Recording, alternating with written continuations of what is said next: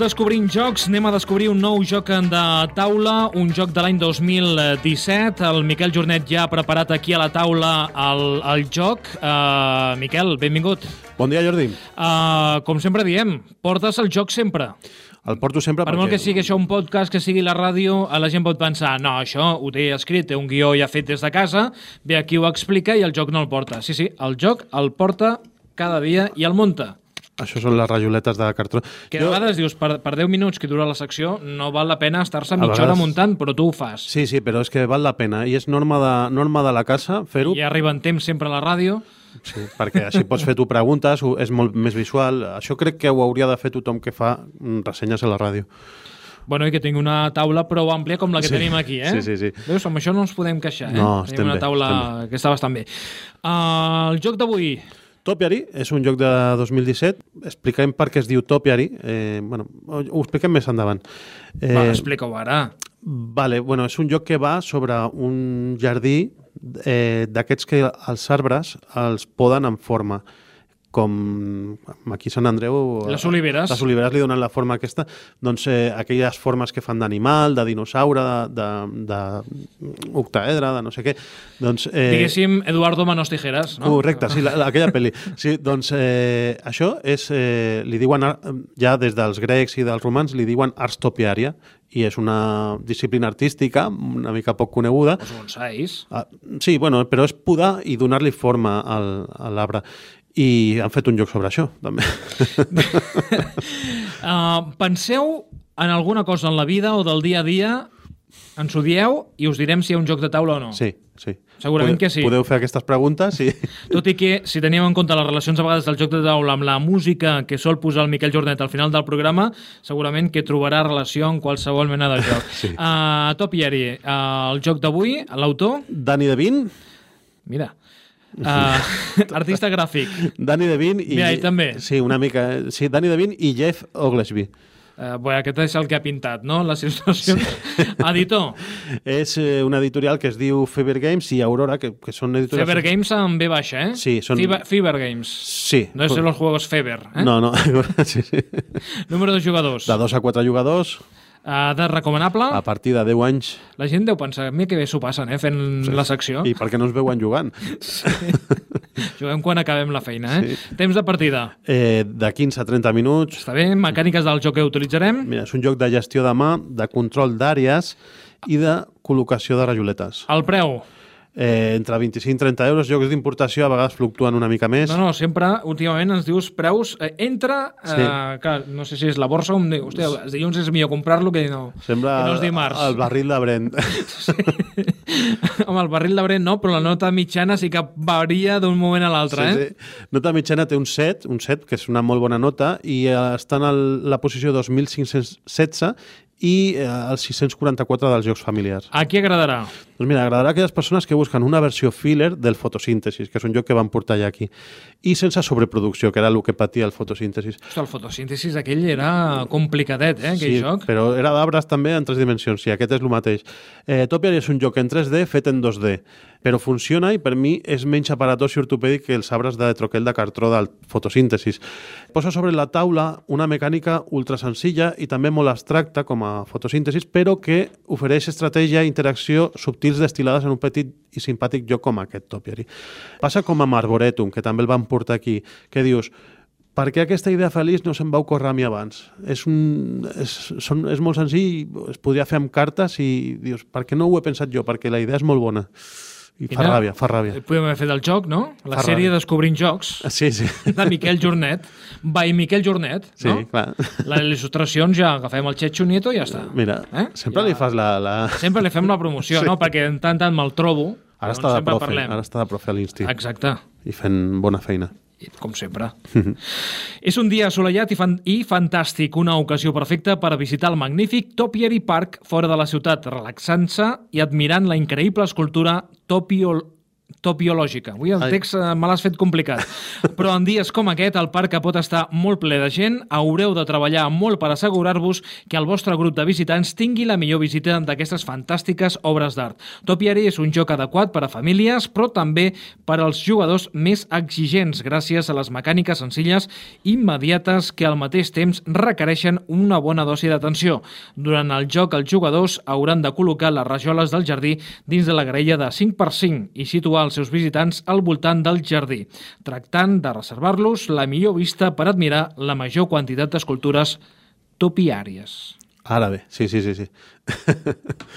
doncs sí, ja tenim aquí desplegat el jardí. És fat, com diuen, tenim moltes rajoletes d'aquestes del jardí i les posem... Mica carcassona, això, eh? Sí, sembla, eh, per, per la rajola... Carcassón, un, un cacao... Però no, no. La gent també quan ho poses diu això sembla un memory i no... També, tampoc. eh? Doncs ho poses així, tipus memory, fas 5x5 amb, amb tombades caravall... Les... Per 5,25. Sí, les, que, la, les rajoletes que mostren un arbre d'aquests amb, amb forma, no? I l'única que li dones la volta és la del mig, la que fa just al mig de, de la creueta. I aquí hem tombat i tenim un arbre de tamany 3, perquè porta el número 3, de la forma de la balena. De números ja de l'1 al 5, i de formes hi ha moltes. Hi ha la balena, hi ha l'octaedre, hi ha la piràmide, hi ha, hi ha el dinosaure, hi ha moltes cosetes aquí. Els, eh, les formes aquestes serien com pals d'una baralla de cartes, i els números de l'1 al 5. Amb cartes de diferents pals pues, podríem fer aquest joc sense necessitat de comprar-ho. I després cada jugador té un número de mípels, que són aquests ninos en forma humana, que es van posar de moda també amb el Carcassonne i altres jocs, i en funció del número de jugadors, amb dos jugadors agafem 8 mípels, que seran els visitants d'aquest parc eh, topiari, amb tres jugadors agafem sis visitants i amb quatre jugadors agafem cinc visitants. I també, de les rajoles sobrants, cada jugador ha agafat tres que les té a la seva mà. Les mira i el que ha de fer és, primer, obligatori, col·locar en una línia de visió externa col·loca un dels seus ninos mirant cap a dins, en línia recta o en diagonal. I les diagonals poden ser creuant tot el camp o fins i tot pots fer una diagonal pel mig i, i veure tres rajoles o veure fins i tot dos o una. També pots fer una diagonal d'una si t'interessa, però no és molt bona jugada, ja, ja us ho avanço. Aleshores, poses un nino i de la línia que estàs veient, això ja és opcional. Pots agafar una de les rajoles, mirar-la i ara tindràs quatre a la mà perquè les tres que tenies més aquesta que has agafat i de les que tens a la mà posar una vista. I aleshores has, has mirat el que mira el teu mípel i jo he posat, per exemple, just davant del meu mípel un arbre de tamany 2 i després tenia el de tamany 3 que era el que sortia al centre. Si acabés la partida així, aquest mípel em donaria a mi 5 punts. Dos que veu aquest arbre d'aquí i tres que veu més endarrere. Aquí estan les tres dimensions. Si estigués primer el 3 i darrere el 2 veuria el 3 i el 3 li taparia el 2, com passava amb el fotosíntesis, que els arbres més grans no deixaven actuar els arbres més petits.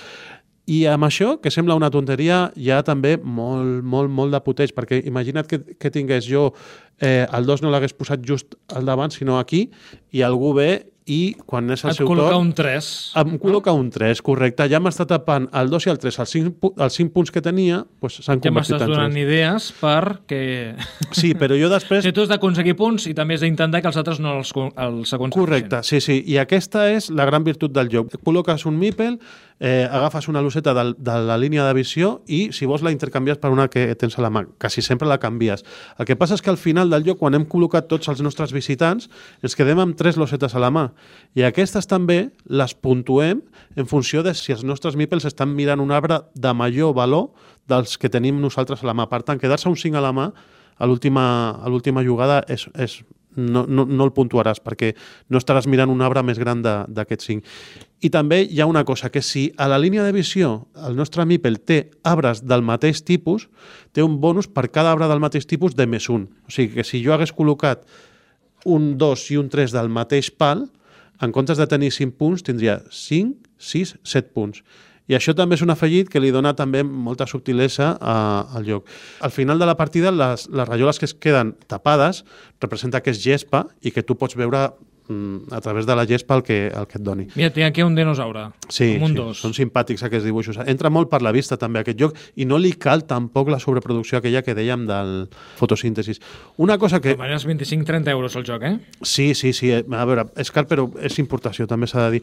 Una cosa que em va agradar molt d'aquest joc, que quan vaig veure les primeres fotos per la Board Game Geek, és que els Meeples, la versió anglesa, incloïa Meeples que anaven en cadira de rodes, que això, al, al mercat anglès anglès ho té molt més present que altres mercats, el tema de la inclusió i tot això, i, i em va agradar molt, jo tinc la meva germana que va en cadira de rodes, i, i tenia la il·lusió de, de comprar aquest joc per, mira, ensenyar-li, mira, ja estan tenint en compte el tema de, de la diversitat funcional en, el, en els jocs de taula, i quan vaig comprar que aquesta és l'edició europea, l'edició europea mm, l'han posat tot amb mipels que estan de peu. Doncs ho reivindiquem, eh, Miquel? Sí, sí, no? sí, perquè jo penso que és important que, que, bueno, que el tema de la diversitat eh, sigui present en, també en els jocs de taula com a producte cultural que és. I tant que sí. Doncs amb aquest joc del Topiary, eh, quina música has escollit avui? Doncs mira, com és un joc poc conegut... Topo Gijo? O... com és un joc poc conegut i de jardí, que és un tema molt recurrent en els jocs de taula, és, és gairebé un joc secret. I quin és el jardí secret més famós de la música? El Secret Garden de Bruce Springsteen, no? Que ben lligat avui, Miquel. Vinga.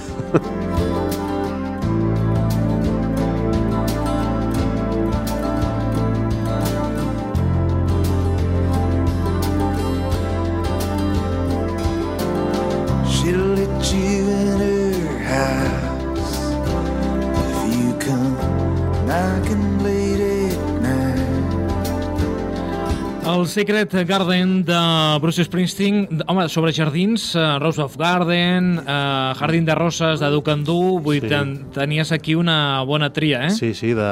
Sí, Però bé, de ho has, lligat, Radio Futura. Ho, ho has lligat molt bé avui, eh? Sí, Jardín sí, sí. Botánico de Radio Futura. Home, sí, sí, sí, sí. sí, sí. déu nhi I tenim moltes més, eh? Mira, avui tenies opcions. És que la jardineria és un tema molt... I a mi em relaxa... Molt recurrent en, en jocs de taula, també, encara eh? que aquest té puteig.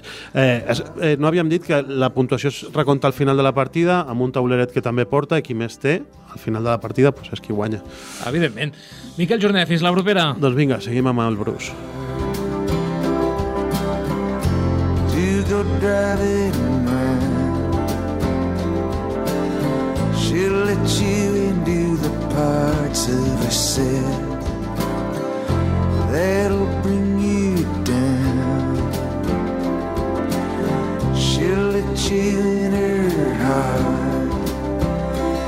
If you got a hammer in a vise, but into see